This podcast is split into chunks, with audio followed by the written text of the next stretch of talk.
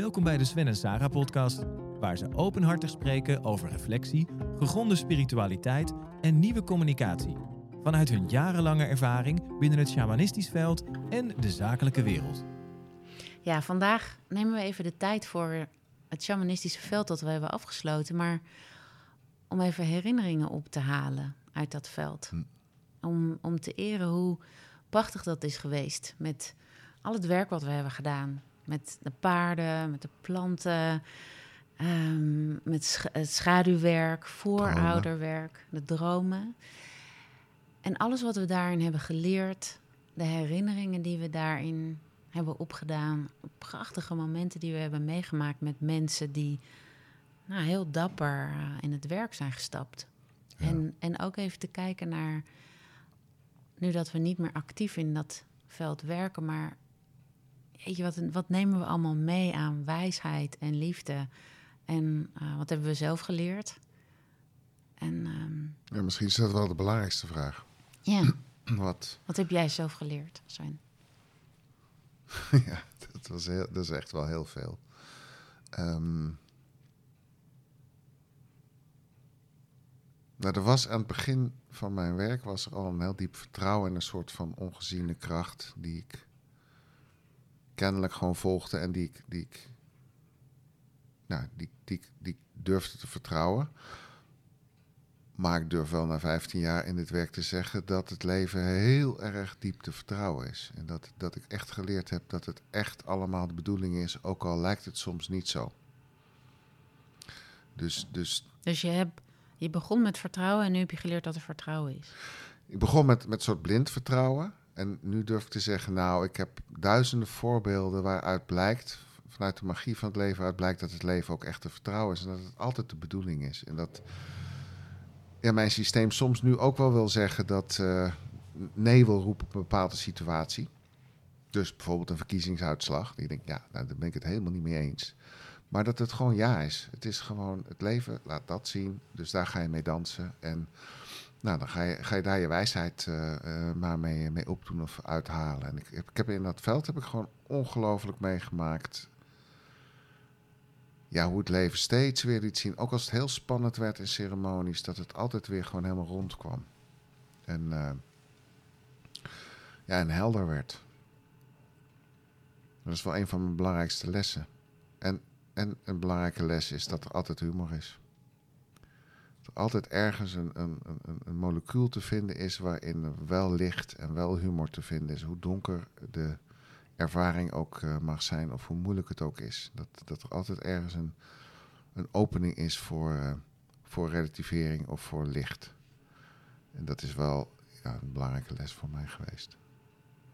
Dus ook als het naar is of als je verdriet hebt of boosheid. Nou ja, ik heb, ik heb zelf veel mogen, en jij trouwens ook, maar ik heb zelf in mijn ervaringen echt heel diep in het donker mogen verkeren. Ehm, echt, echt tot en met echt, echt de diepste laag. Nou, diepst, er is niet een diepste laag, want het is oneindig, maar gewoon een hele diepe laag van donker. Eh, wanhoop, ehm, opgeslotenheid, nou, despair, zeg maar. En als je daar toch ja tegen zegt, dan kom je er altijd doorheen. Nou, ik- sterker nog, daar zitten parels in. Daar komt allerlei wijsheid uit tevoorschijn. Zeker. Maar, maar, maar zeg maar, je kan, je kan, ja. Je hebt heel veel mensen die maken in hun leven gewoon echt hele zware periodes mee. We noemen het in het shamanisme de burning. Zo het gevoel van, nou, ik wil van deze planeet af. Ik heb, eh, ik heb hier eh, niks meer te zoeken. eh, gun mij maar uit. En ik durf nu echt te zeggen tegen die mensen van, blijf er maar bij. Zeg er maar ja tegen. Je komt er doorheen. Ik denk dat dat ook de diepste les is die ik heb gekregen. En ik, ik begon ook met vol vertrouwen, want anders stap je zo'n veld niet in. Maar er waren echt momenten waar mensen door dingen heen gingen die ik heel dapper vond, maar waarvan ik wel dacht van, goh, nou, die gaat dit niet leuk vinden of die gaat naar huis met, ik vond het verschrikkelijk. En dat waren de mensen die de diepste dankbaarheid toonden. Die Ja. ons echt bedankten voor alles wat ze hadden meegemaakt. En dan dacht ik van, het was best wel harsh, het was best wel naar. Ja, En ehm, ik denk dat we in een maatschappij zitten waarin alles altijd leuk moet zijn. En waarin het allemaal vrolijk en um, nou ja, de, de religie, alles, alles wijst erop van ja, maar het moet wel een goed leven, het moet wel een mooi leven. En, maar als je dus in dat veld durft te vertrouwen, want er is heel veel donker, en dat dat er mag zijn en dat je daar doorheen komt.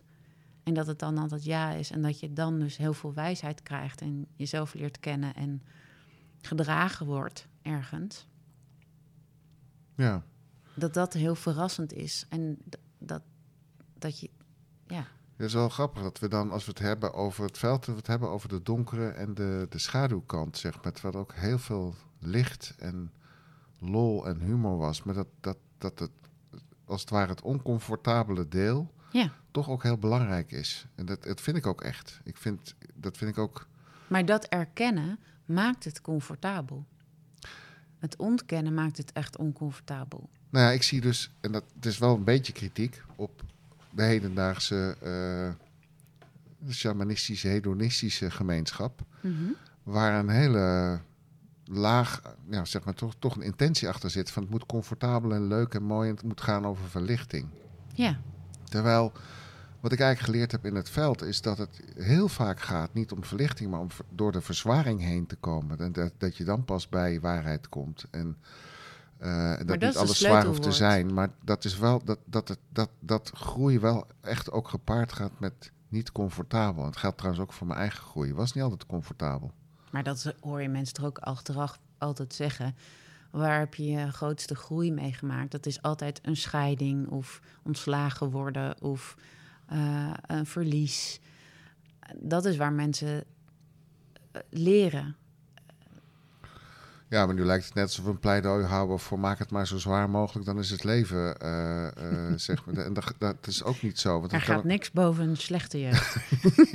ja, nee, maar ik vind wel, ik moet wel eerlijk zeggen dat ik, dat ik de meest ontroerende momenten vond, de momenten waarbij mensen elkaar door die, door die schaduw heen hielpen. Dat. En daar ook bij waren en het ook vol vertrouwden van nee, je bent te vertrouwen in, in alles. Dus ook in deze lelijke kant, om even tussen aanhalingstekens te zetten. Deze, deze demonische kant. En, en ja, dat vond ik het meest ontroerend van, van alles wat ik heb uh, gezien. Want het hoeft ook niet altijd iets heel naars te zijn, maar het kan ook iets zijn waar iemand zich voor schaamt. Dat kan ook het meest demonische zijn voor iemand. En als iemand op het moment dat je je ergens heel diep voor schaamt, je een hand geeft en zegt: Ik zie je, zonder oordeel, maar gewoon daarbij is, dat is heel liefdevol.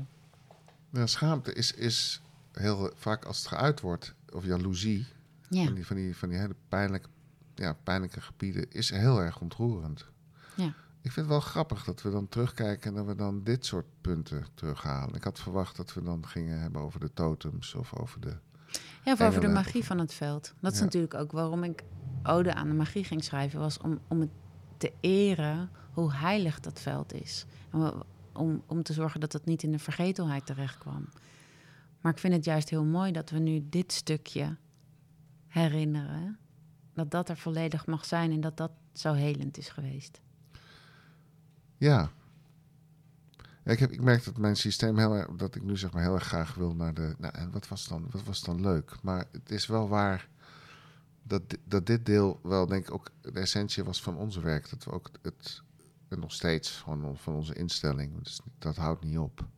Dat er gewoon dat er ruimte mag zijn voor de schaduwkant van, uh, van de mens. En dat dat, dat dat juist de ontspanning geeft. We zijn gewoon menselijk en we hebben gewoon onze schaduwgebieden en schaamtes en jaloezie en schuld en, uh, en woestheid. En uh, als dat tevoorschijn kwam in het veld, mensen die echt pisnijdig waren, bijvoorbeeld met de schaduwparel soms ook echt hilarisch. Maar dat was het allermooiste aan de ceremonies, dat dat altijd voorbij de um, polariteit gaat eigenlijk. Want daar was alles ja. Dus er, um, als iemand iets kwetsbaars vertelde of iets schaamtevols of iets, dan was iedereen betrokken. Iedereen luisterde. Um, nieuwsgierigheid. En dat maakt het dus heel liefdevol. En ik zou als je dat meeneemt naar je dagelijkse leven of naar de, naar de ceremonie die het leven heet, dan komen, men, dan komen mensen veel makkelijker tot verbinding. En wat betekent het dan heel concreet voor jou nu, als, als je dat als les meeneemt uit dit veld? Ik kom in dat veld voorbij mijn eigen oordeel. Ik Ja. kon bij mensen zijn, ongeacht wat ze me vertelden. Ook al vertelden ze me dat ze vreemd gingen van hun vrouw... of eh, hun een kind hadden laten zitten. Of, ik kon erbij zijn, ik kon er naar luisteren... en ik kon ehm, compassie hebben. We hebben hele schaamtevolle dingen gehoord eigenlijk van Ja. mensen. Echt schaamtevol. Dat ik dacht, wow, dat dat hier verteld wordt. En een, een man Ja. die, die gewoon zegt dat hij ja, een heel klein pikkie heeft in, in een mannengroep. En dat hij da- daar verschrikkelijk eh, eh, mee zit. En, de, en, en dat, dat je denkt, jeetje, dat je dat deelt. En, en, en dat, hij daar, dat hij daar, nou ja, Nou, dat daar de echtheid voor is, ja. dat daar de ruimte voor is... ehm, dat er compassie is. Ouders die hun kinderen in de steek hebben gelaten, Ja. daar heel erg voor schaamden. ehm, Maar dat er ruimte is altijd om te luisteren. En dat, die les, die hoop ik mee te nemen f- ehm, in mijn dagelijks leven. Want ik vind dat veel moeilijker. Ja, maar dat is toch wel boeiend. Dat- Want ik vind het ook eigenlijk de belangrijkste les. Van hoe kom je, want in ceremonie is daar dus een instelling waarbij je voorbij dat oordeel gaat. Waarbij het echt Dat is- niet uitmaakt. Onvoorwaardelijke nieuwsgierigheid.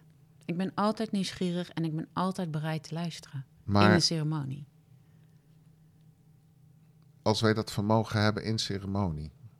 Wat Maar hebben we dan nodig om dat gewoon in het dagelijks leven gewoon mee te nemen? Nou, het is een ander perspectief. Want eh, in je dagelijks leven zijn er dingen die je persoonlijk raken. Dan is het, als er emotie bij komt kijken, is het veel moeilijker. Dus als ik boos ben op jou, dan vind ik het moeilijker om naar jou te luisteren, omdat ik er een emotie bij heb. Omdat dat dichtbij komt. Of als ik, als ik, als ik een oneenigheid heb met een kind, dan ben ik geraakt. En dan is het veel moeilijker voor mij om vanuit die nieuwsgierigheid en compassie te komen. Dus ik, Ik moet daar een positie vinden waarin ik dat kan. Ja. En dat vind ik. Je bent geen begeleider van je vrienden. Of je bent geen Nee. begeleider van, eh, van, van, van de mensen. Dus dat, Nee, dus als ik jou zie volledig ehm, vanuit compassie en nieuwsgierigheid en, en onvoorwaardelijke aandacht naar een Ja. deelnemer over een onderwerp ehm, waar ik ook mee zit. Maar als, ik, als we het mee naar huis nemen en ik heb jou net beschuldigd van iets, dan kan je met minder compassie erbij blijven, ja, omdat het je raakt. ik heb het idee dat, dat, dat wat wij geleerd hebben kennelijk in de, in de ceremonies... en wat, wat, geval ik mezelf neem, wat ik mee mag nemen... is dat, dat ik een heleboel dingen niet persoonlijk heb genomen. Ja, Dus vanuit de rol van begeleider, shamaan, geef het een naam... ja. is het zo dat je er bent om mensen te begeleiden naar het punt van waarheid. En het maakt niet uit wat mijn persoonlijke mening is. Eh, het, het, het gaat over het onpersoonlijk maken... Zodat ik echt nieuwsgierig en, en, en, en dat kan ik wel meenemen naar mijn eh, dagelijks leven. Ja. Zonder een begeleider te hoeven zijn voor mensen. Maar dat onpersoonlijke stuk van het gaat niet om dat ik gelijk heb. Hoe, Maar dat is ook de belangrijkste les voor mensen überhaupt. Het niet persoonlijk ne- nemen van wat iemand doet. Dat, dat was ook een van de regels in ceremonie.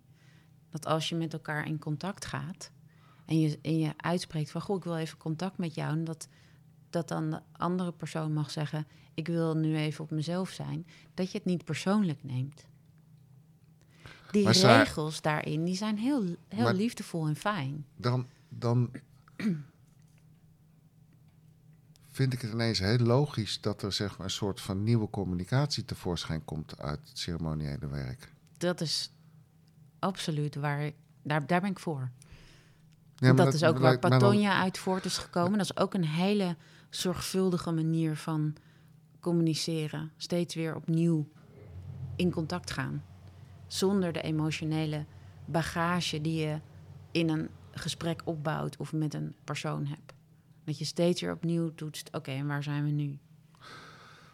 Nou, dan is mijn, eh, of onze rol als shamaan misschien afgelegd, maar de, de basishouding die je nodig hebt om, om, om in communicatie met mensen te komen tot een wijze omgang of een wijze, eh, wijs onderzoek, Ja. Ja, die kunnen we wel meenemen. Maar dat is dus een combinatie van eh, de oefening om steeds de bereidheid te hebben om het niet persoonlijk te nemen. Om te reflecteren, dus echt alles buiten jezelf te zien wat dat in jou is. Mhm. En altijd nieuwsgierig te zijn, want dan is die nieuwsgierigheid echt liefde. En een veld van aandacht met je mee te brengen waarin je dus waarin het niet persoonlijk wordt. Ja, nou dan, dan, dan heb ik zeg maar bij de huidige verkiezingsuitslag een hele leuke uitdaging. Ja, Ja, dan, dan, want ik vind daar wat van. Ik heb daar ook een mening over. Ik maak het ook persoonlijk. Eh, maar wat gebeurt er als ik daar eens even gewoon ja tegen zeg? En Ja. het onpersoonlijk maak voor mezelf. En gewoon nieuwsgierig blijf. En in tending space. Wat gaat er dan tevoorschijn komen? ja. Dat is best wel een... eh, Maar dat is een oefening die je in alles kan doen. Hoe, hoe je kinderen doen. Want heel vaak, eh, ik bedoel, ik ben zo'n moeder die af en toe denkt: eh, hoe gaan ze wel niet met mij om? En, ik neem het persoonlijk dat ze die vuilniszak niet wegbrengen. Ja. Als ik het persoonlijk maak, dan krijg ik echt ruzie met mijn kinderen. Maar als je daar de afstand in kan nemen en het kan loslaten en ook en humor. Humor is heel belangrijk. Een heel belangrijk tool om niet in dit niet persoonlijk te maken. eh. ja, maar ik vind dat... Humor maken vind ik een beetje moeilijk. Nee, als, niet je het maken. niet, als, je, niet- als je het niet komisch vindt, dan, om dan humor te gaan maken, dan wordt het een valse lach. Daar heb ik, dat, dat, vind, dat vind ik een beetje moeilijk. eh, nee, dat, het is een dun lijntje inderdaad. Je balanceren wanneer ben je het aan het weglachen en wanneer zet je het in. Maar om jezelf te serieus te nemen, Daar geloof ik wel in. dan, dan maak je het ook persoonlijk. Ja, dus op het moment dat je jezelf een beetje, eh, dat je een beetje met jezelf kan lachen of om jezelf kan lachen, is, geeft in ieder geval al een opening naar iets, iets onpersoonlijker. Dat geloof ik wel. Je hoeft ook niet aan de ander te laten weten dat je even een ander perspectief inneemt. Dus een humoristisch perspectief innemen. Ik hoef niet tegen mijn kinderen te zeggen dat ik mezelf een beetje belachelijk maak als moeder. Maar als ik heel even die andere positie inneem in mezelf, kan ik wel weer op een andere manier mijn kinderen benaderen. Of Dan- mijn partner benaderen. En Maar dan, dan, dan gaat nieuwe communicatie gaat gewoon over de communicatie met jezelf, even zonder de ander. maar Daar dat is Patonia. over. Dat nee, maar daar gaat het over. Ja. Het gaat over communicatie met jezelf. Ja, altijd. Hoe ga ik om met mezelf? Ook ik neem mezelf heel serieus en ik, heb, ik maak het ook heel persoonlijk. Ja. Dus, dus de wereld wordt ook heel gepolariseerd. En, Ja. Of hey, ik, ik neem mezelf eventjes wat minder. eh, ik, ik- met, ik neem er even een potje zout bij. En eh, Ja. het is maar een mening van Sven. Eh, doe maar even rustig. En dan gaat de wereld er misschien ook wel anders uitzien. En ik vind het wel interessant dat we het hebben over memory lane. Ja. En dat het eigenlijk een soort van eh, pareltje is wat we meenemen uit... ja, Uit het veld. uit het veld. Maar eigenlijk stappen we dus nu in een veel groter veld. Want we nemen nu datgene wat we hebben geoefend in een veld wat we openden en sloten. En wat we een shamanistisch veld noemden. Daar halen we een paal uit die we meenemen en waar we elke dag wat aan kunnen hebben. In, in het nu. Nou ja, dan kan je zeggen, onze rol als begeleider is voor ons een training geweest om in het dagelijks leven bepaalde principes, communicatieprincipes toe te passen. Dus, dus dank aan iedereen die heeft bijgedragen aan, eh, aan onze les. Dankjewel. Ja, dankjewel. Ik eh, ben nieuwsgierig.